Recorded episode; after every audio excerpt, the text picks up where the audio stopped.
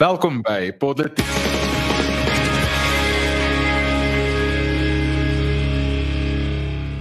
Ek is Paul Marits en saam met my in die ateljee is Daniel Elof Herman Pretorius en Erns van Sail. En in vandag se episode verkiesings moet gebeur iewers met 10 goedgekeur en petrolprys klim weer.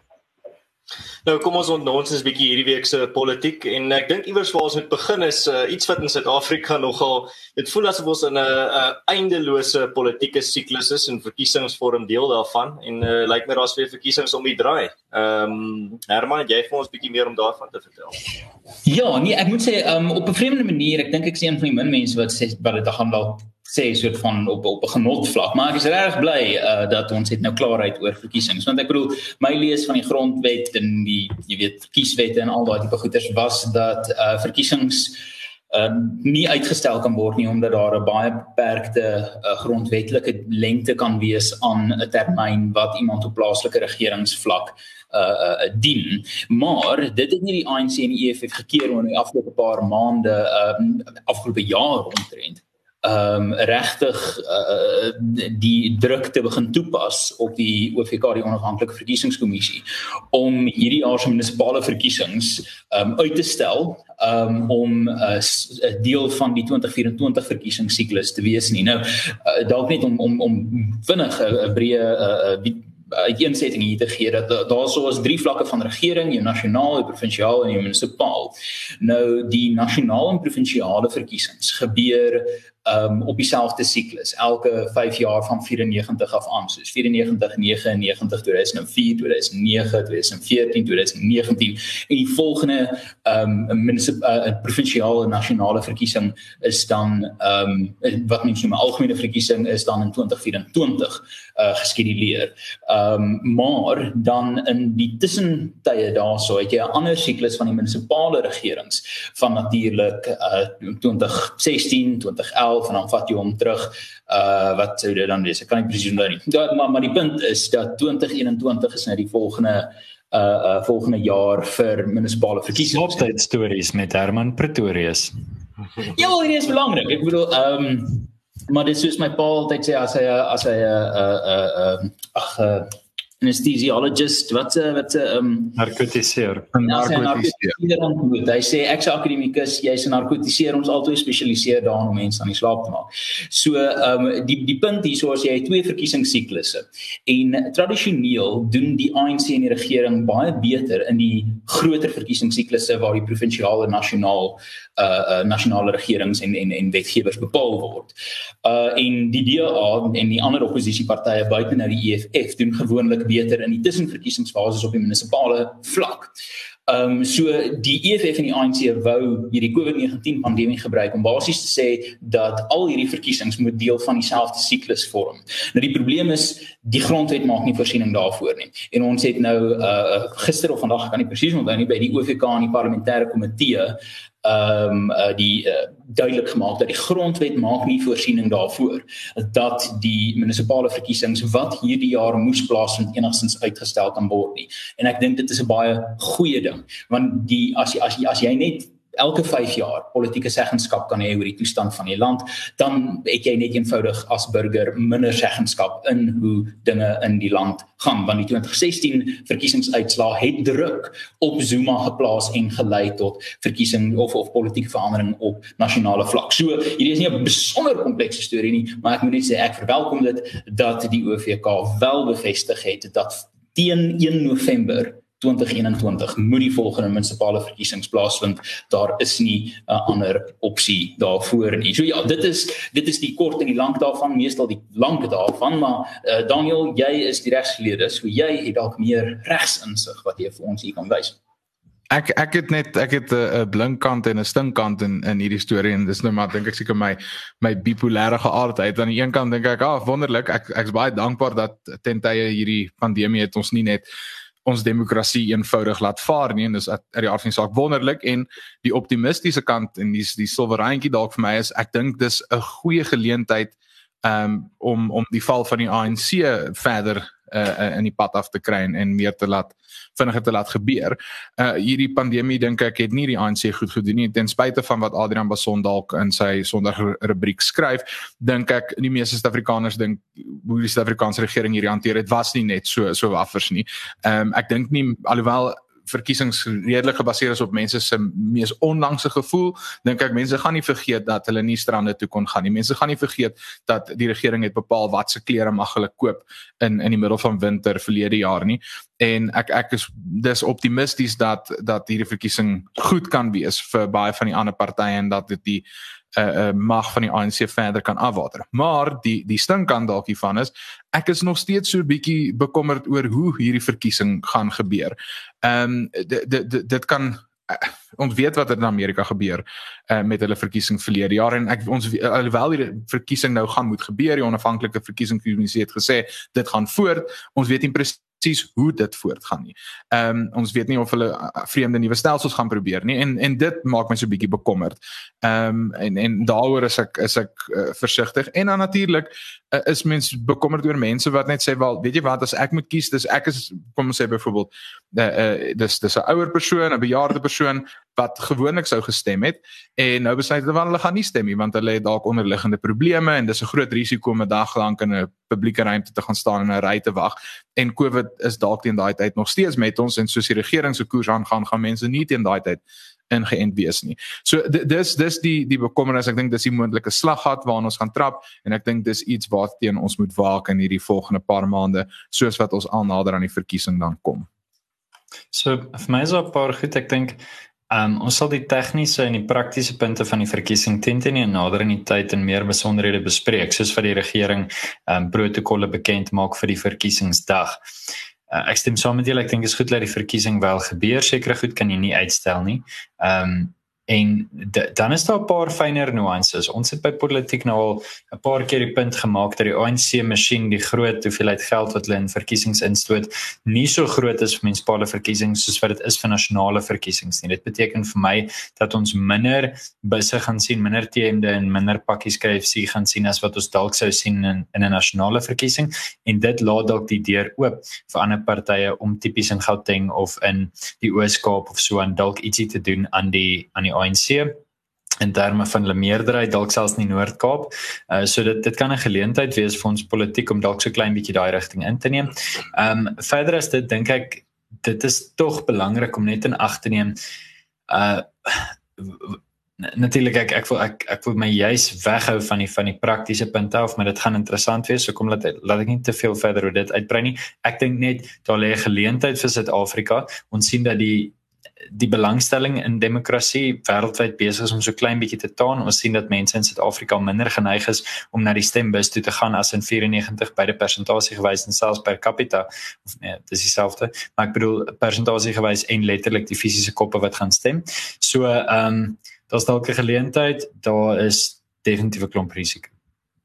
Hmm. En ja, ek dink uh, iets wat ons al voorheen gesê het toe ons gepraat het oor die moontlikheid van die verkiesing wat uitgestel word, is die feit dat dit sal die ANC pas want as dit uitgestel word, want dan uh, gaan die staat van inperking uh, fiasco van die ANC en hulle beleide daar rondom en hulle drakoniese beleide uh, wat Suid-Afrikaners benadeel benadeel het daar rondom ook nie meer so vars in die geheue wees nie.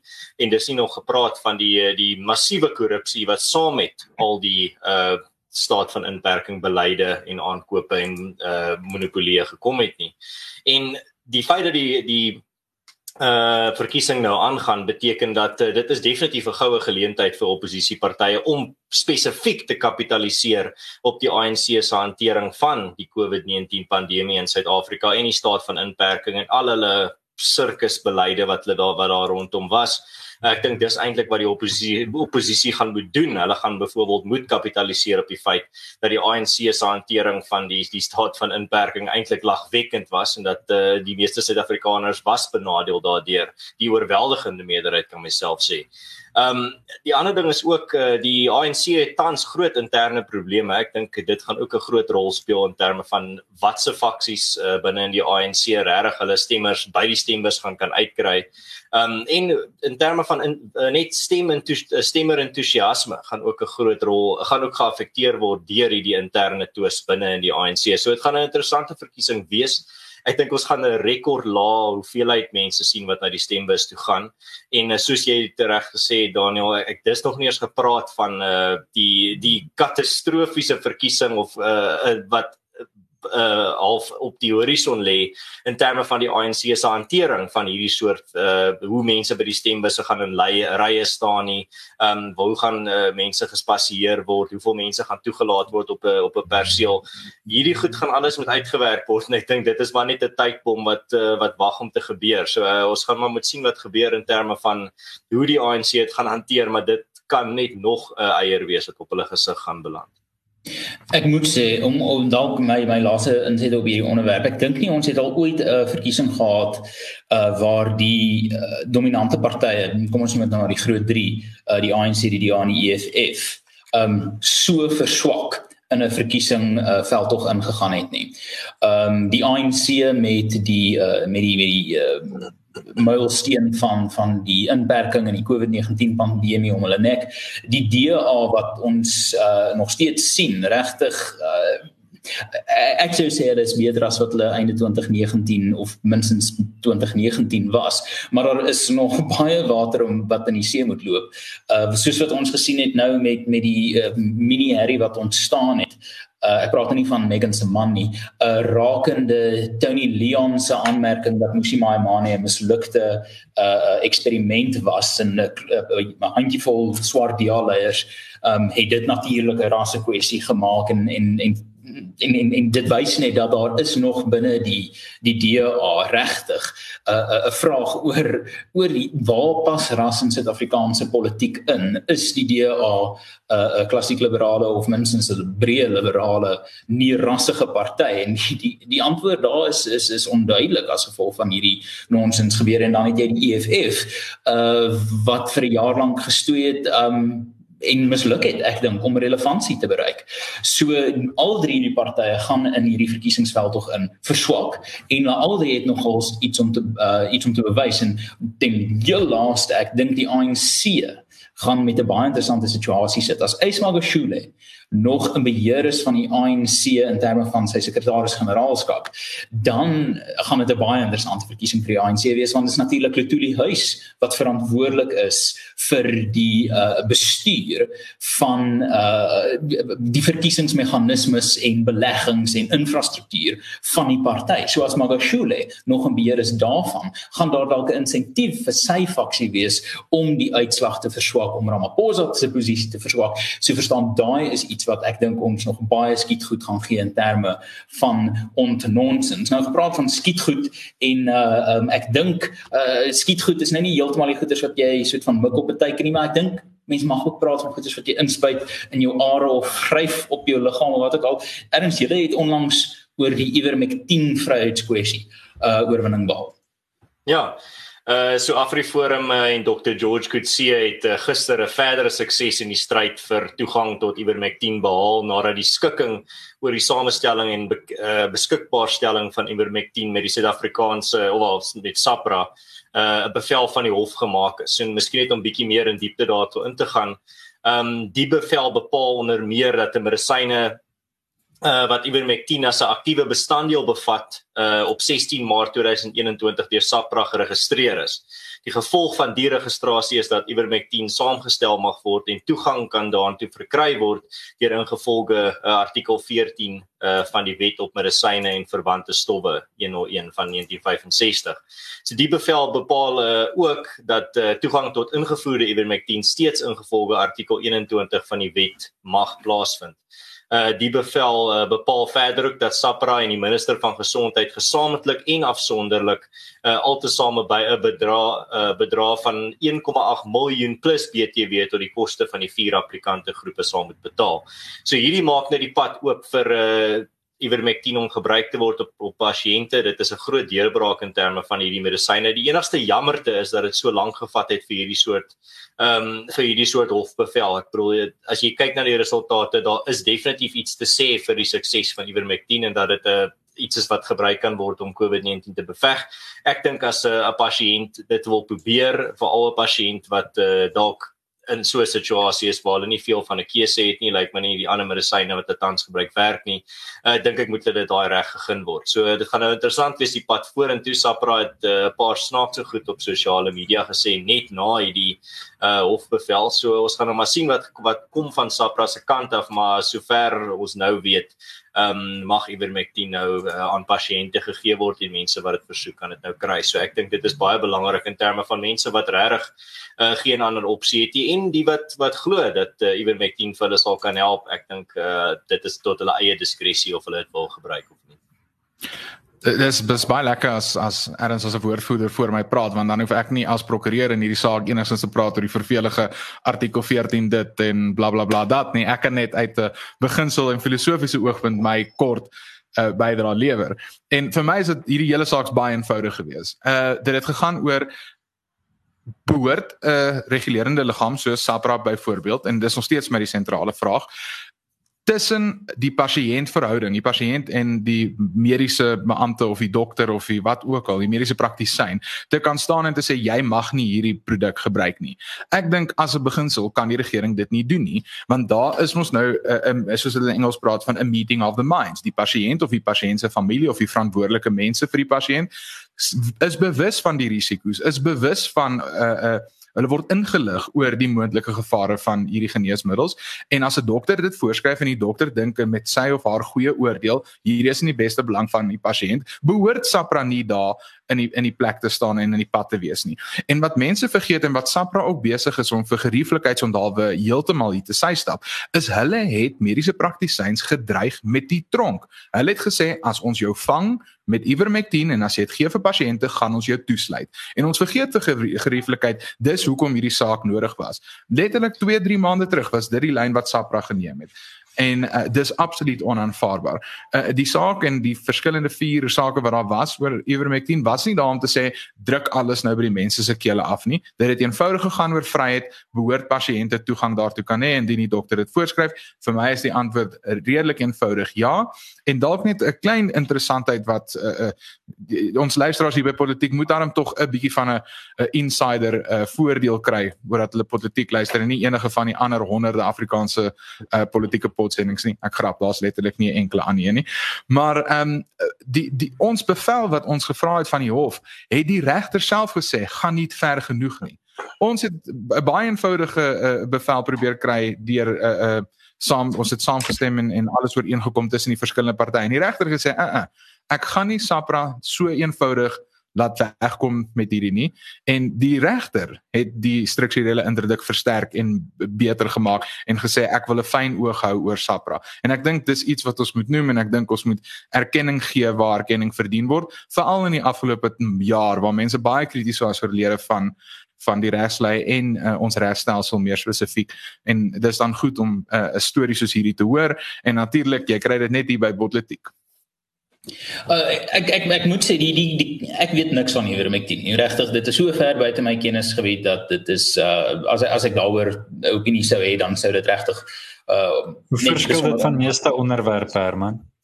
Wel, meeste onderwerpe voel ek ek kan daarom genoeg uh uh uh um, fasade van kennis skep.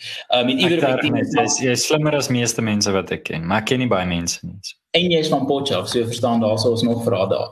So ek dink die die die kwessie wat wat wat regtig hieroor gaan is die individuele keuse. Hierso of die individu die vryheid uh kan hê om om te besluit uh wat hulle in hulle liggaam insit. En uh ek ek dink dit is die grootste frustrasie van hele COVID-19 kwessie. Dit is nie dat die regering misluk het nie. Dit is nie dat die regering nie betyds uh, eindstowwe gaan kry het nie. Al verstaan al daai goeders is regtig, al daai staatlike mislukkings is uh, dis mislukkings natuurlik en dit is gruwelike mislukkings wat waarskynlik lewens en werke in daai uh, klas van dinge gekos het. Maar die regtige hartseer kwessie, uh, wat Suid-Afrikaners regtig moet onthou uit hierdie uit hierdie uh, chaos tydperk van COVID-19 is hoe die individu se vryheid om keuse uit te oefen in sy eie lewe net eenvoudig beperk is in klomp gevalle arbitrêr um en en en onverwant aan die ramptoestand waarin ons land was. So ek ek is nie besig om te sê gebruik ivermectin nie. Ek is nie besig om te sê moet dit nie gebruik nie. Die die die die redenasie hier soos Daniel dit verwoord het is regtig het is die individu um, 'n uh, uh, onderdaan of 'n burger? Dit is regtig die kernvraag van Suid-Afrikaanse politiek en ek dink die die die die stryd om idees in die algemeen is die is is is die vraag van is Suid-Afrikaners bereid om hulle self uh uh um uh, binne die politieke sfeer uh, te te te hou as dit ware hulle houding uh uh, uh parallel te maak aan die van burgers of gaan ons aanhou onderdanig wees aan 'n regering wat regtig ons nie behandel in terme van die beste elemente van die sosiale kontrak nie. En daai is heeltemal 'n ander gesprek op sy eie. Maar dan om om om om net hierdie hierdie kwessie regtig uh saam te vat is wanneer jy vorentoe ehm um, ooit wonder of die regering 'n uh, gawe 'n uh, 'n uh, onderhandelende party is. Onthou wat het hulle gedoen in die tydperk van krisis? Onthou hoe het hulle die Suid-Afrikaanse burger wantrou? Onthou hoe het hulle 'n nanny state regtig probeer voorhou as die enigste manier waarop jy as Suid-Afrikaanse burger hierdie chaos tydperk kon oorleef. Moenie regerings te maklik uh vergewe vir hulle mislukkings nie. Hulle verdien dit nie. En en ek dink nie ons het enige verpligting om dit vir hulle te gee nie. Maar volgens wet is daar verpligtinge op ons om ander dinge vir hulle te gee, onder andere ons geld in die vorm van belasting en petrolpremies en Paulus jy het vir ons neerslagwekkende of nie neerslagwekkende neerslagtige insette en insigte daar wat jy vir ons sou lewer. Ja, so ehm um, ek ek seker meeste mense weet hierdie nou teen die tyd, maar brandstofpryse is op pad op uh, en drasties daarbey. So waar ons gewoonlik verhogings sien in die omgewing van 40 sent, 35 sent en so aan, uh sien ons nou dat brandstof met 'n volle rand opgaan na R17 toe in die binneland R16.64 uh teen die kus. En Daar's 'n paar implikasies hiervan. Ek wil nie noodwendig so erg oor die implikasies praat nie. Ek dink ons weet, ewe skielik is die geld wat jy per maand het aansienlik minder. Ewe skielik kan jy minder koop en ewe skielik kry die ekonomie swaar want geld wat jy op op uh, leksede en op toerisme of wat ook al sou spandeer op daai sektore van die land wat dit eintlik die nodigste het, gaan nie spandeer word nie. Dit weet ons.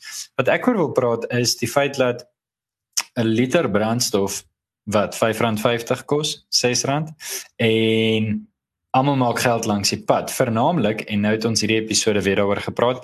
Kyk as jy politiek luister weet jy ons gaan nie vir jou vertel hoe oulik die Suid-Afrikaanse regering is of enige regering is nie. Dis nie waar dit van ons gaan nie. Ons dit, ek dink meeste van ons glo daar moet 'n bevoegde regering wees oor hoe groot hy is dink ek verskil ons en en dis oukei okay, dit maak die gesprek lekker. Maar wat hier duidelik is is dat die regering besig is om homself te verryk ten koste van mense wat regtig swaar kry. Nou hulle doen dit op 'n klomp onwettige maniere daarvan weet ons. Ek sou my insetsel ook kon maak oor solidariteit wat uh nou weer eens oor Panyaza Lesofie se saak aanhange gemaak het. Maar ek wil spesifiek hieroor praat. Is dit reg dat jy bykans 4 rand se heffings het? Is dit reg dat jy bykans 4 rand se belasting het? Ek ek weet nie dit voel nie vir my reg nie. Is dit reg dat jy die verbruiker, die arme burger wat homself laf betaal in eerste wêreldse belastingkoerse maar derde wêreldse resultate daarvoor kry, dat jy sy brandstof so onbekostig duur maak dat hy nie vir sy maaka gaan kuier nie. Ek dink is wreed. Ehm um, en jy weet mense mense sit jou hande in jou hare, maar uiteindelik wie die ouens wat die swaarste trek? Ek meen eerlikwaar, as 'n taxi eienaar al ooit 'n rede nodig gehad het om R1 meer te vra vir die roete van Mamelodi af Garsfontein toe, hier sy rede. As jy weet dat uiteindelik is dit net die ou op die grond wat wat swaar kry. Is dit regtig nodig vir daai heffing? Ek verstaan ons moet 'n 'n pad ongelukke fonds hê, natuurlik. Nie dat die pad ongelukke fonds werk nie, ehm um, want hulle is bankrot konstant. Maar goed, okay, ek verstaan dat dit nodig is. Maar is dit nodig om sulke belaglike heffings te maak? Is dit nodig om so baie um geld te maak van brandstof af, iets wat ons nodig het. Ek verstaan aksiesbelasting, stem nie saam mee nie. Laat die ou drink en rook wat hy wil, maar dit maak vir my 'n bietjie sin. Goeie genigtig om brandstof om mense te straf omdat hulle net op plekke wil uitkom, omdat hulle net besigheid wil doen. Dis wreed. Dis dis verby die punt van jy weet ja, goed, kom ons redeneer hier oor. Ja, elke sent gaan na 'n plek toe. Is nie hulle mors ons geld en dan vat hulle dit op plekke waar ons regtig nie kan kies nie. Ehm um, soos brandstof. Nou so lank hieroor kan praat.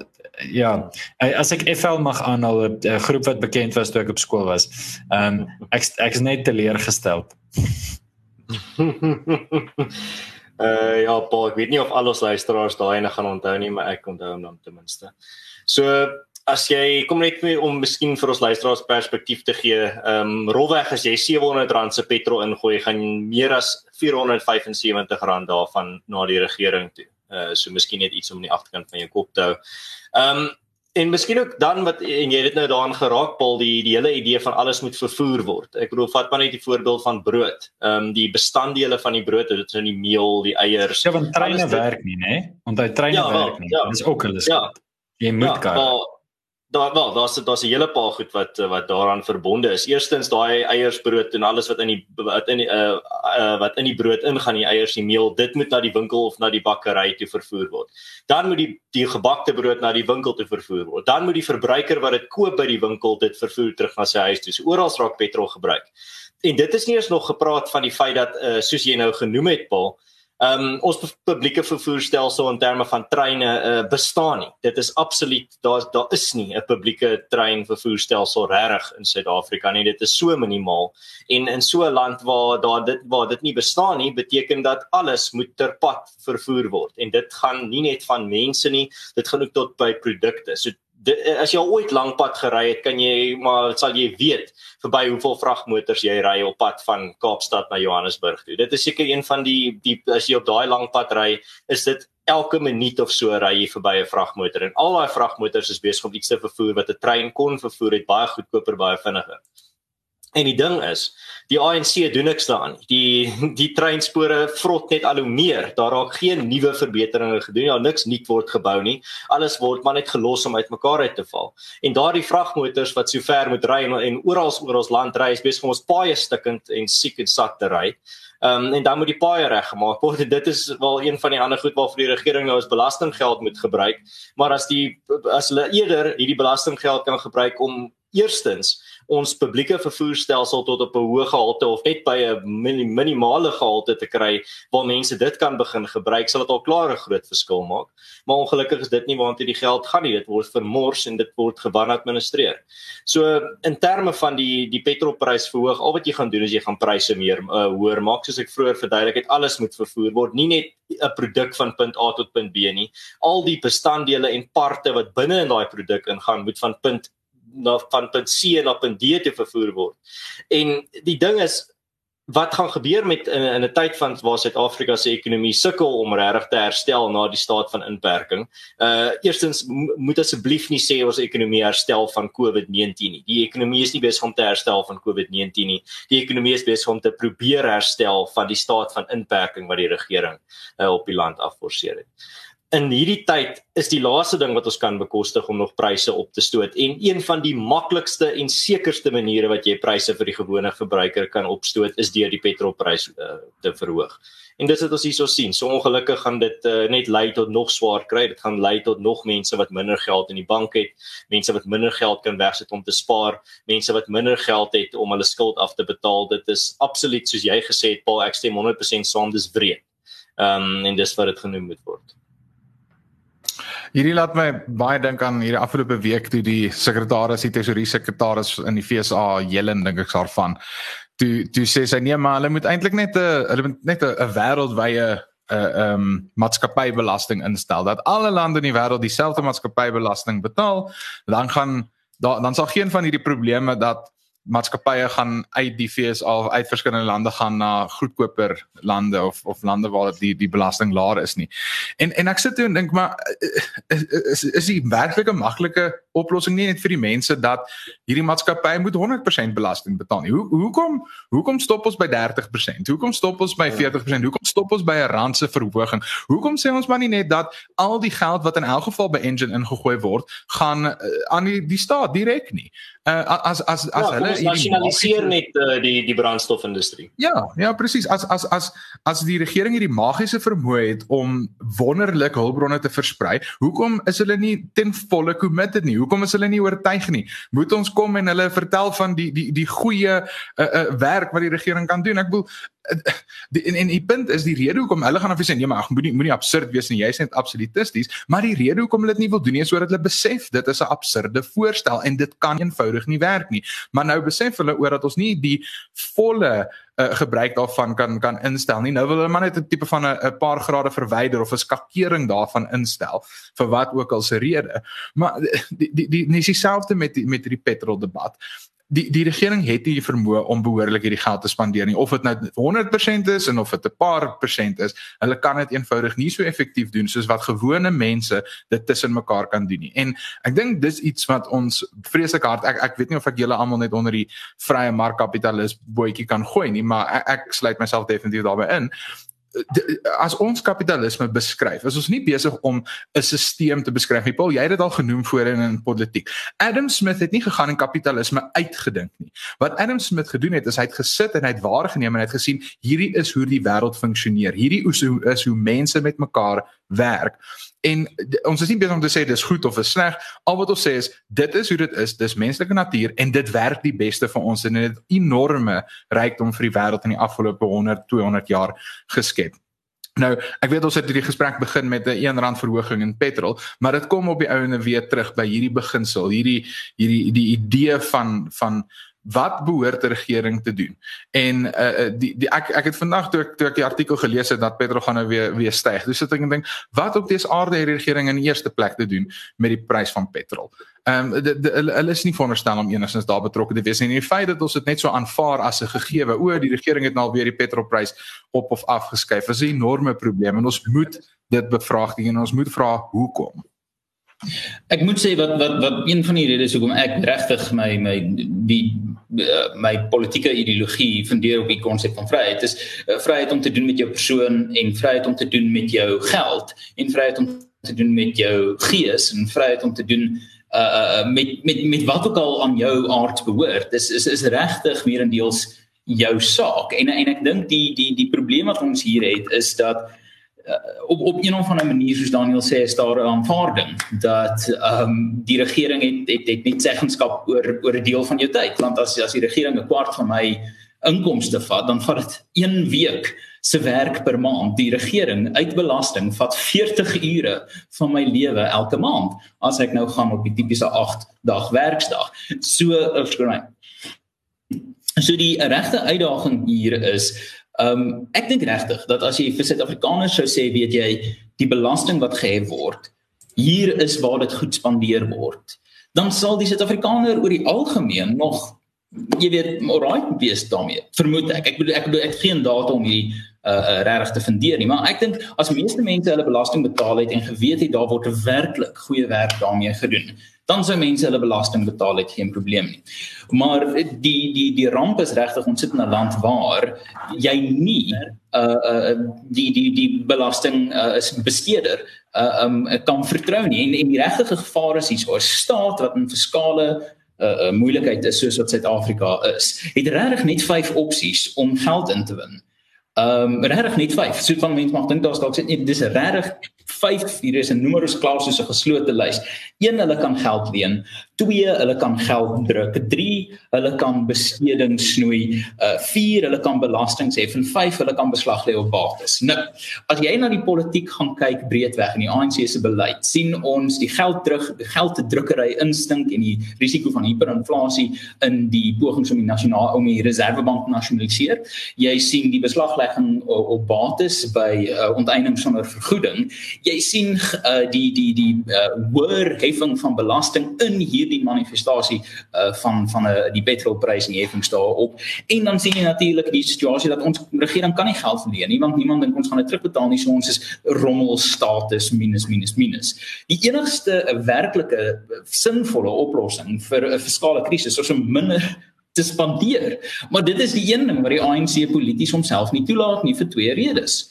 Of um, hy glo opreg dat staatsbesteding dryf ekonomiese groei dan het hy nie aandag gegee oor die afgelope 100 jaar nie of ehm um, dit is net 'n kwessie van uh, hulle dink dat daar is nog geld om te verkry uh, of of of uh, of, of daar sou elders geld om te verkry en polities is hulle in 'n hoek gedruk deur die drie uh, die drie party alliansie en die unies. So uh, 'n laaste ding wat ek ook net hierop wil sê is dis nie net petrol uh waar daar hierdie wil verhoogde heffing is nie dis ook parafin. Nou die hartseer is waar ons het nou breed gepraat oor die prys van brood en die en die en die rys uh, waar gaan hierdie las die swaarste val? Wel op jou armes letterlik. Parafin is 'n verhittingsagent wat die armste mense in Suid-Afrika gebruik omdat hulle nie elektrisiteit of toegang tot elektrisiteit het nie. So nou maak die bliksems parafin duurder. So jou armste Suid-Afrikaner gaan nou in 'n winter ingaan waar hulle of minder gaar kos gaan eet of minder warm gaan kry. Dit is dit is verbybreed en dan sit jy met die situasie van 'n ekonomie is nie 'n stelsel nie. Dit is nie 'n stelsel nie. Dit is 'n ekosisteem. Jy kan nie vir die leeu's begin sê, weet jy, hulle mag vir 3 weke nie eet sonder om te dink wat dit aan die akkedisse gaan doen nie. En die probleem wat die regering nou gedoen het met hierdie inperking, is hulle het die middelklas gesny met 'n derde met 34%. Um en daai kostes gaan rus nou op die armes. So dit is dom ekonomiese uh uh beleid en dit is reg uh uh wreed. En die probleem is 'n vrye mark soos vryheid in die algemeen is nie 'n uniforme holistiese stelsel soos sosialisme of iets soos dit nie. Dit is iets wat elementêr of inkrementeel kan verskyn. En in hierdie gevalle waar daai inkrementele vryheid in die verkeerde rigting beweeg, waar jy al hoe minder seggenskap oor wat jy met jou hulpbronne en jou tyd doen, dan is dit reg regtig 'n baie sterk aanduiding dat die nasionaal-demokratiese revolusie die pad na volledige uh, kommunisme stewig opdreef is. En ek ek ekho Daniel se sentiment om ons sê vir 'n slag. Nee gaan kyk daai video van 'n Poolse pastoor in Alberta wat net eenvoudig mense uit sy kerk uitgejaag het. Gaan kyk dit en en probeer 'n bietjie uh, uh, uh, meer nee sê uh, ondersteun af die die ER solidariteit en kry jouself in die moeilikheid sodat jy ook vir Daniel kan ondersteun. Maar daar is ons ongelooflike baie mag in 'n burgerskap wat eenvoudig besluit het genoeg is genoeg ek sal daai Alberta predomini gratis verteenwoordig enige ek vlieg Kanada toe vir hom. Ehm um, nou op op uh, as ek dalk met een blink aan bo hierdie episode kan afsluit dit, dink ek is ook net gepas hier en sien dat ons nou so lank gekerm het oor belasting. Uh, iets niets, ek weet nie ons het nog nooit regtig van tevore oor belasting en as ons gepraat op hierdie program nie. Ehm um, maar uh, uh, geregtigheid het wel geskied in Suid-Afrika. Dis nou nie 'n enorme groot storie nie, maar ek ek dink ons het so kort ruk terug daaroor gepraat dat die broer van uh, Joos van der Westhuizen, uh, Pieter van der Westhuizen het mos 'n paar maande terug uh, tydens 'n kerkerediens het hy rowers doodgeskiet wat daar in die kerk ingekom het en die mense probeer beroof het.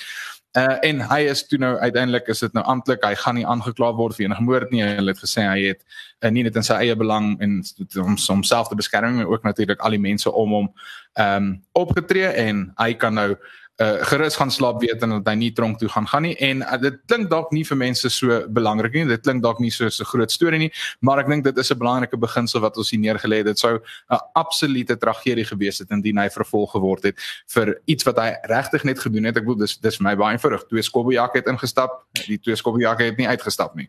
Ehm um, hy het, hy het reg opgetree volgens my.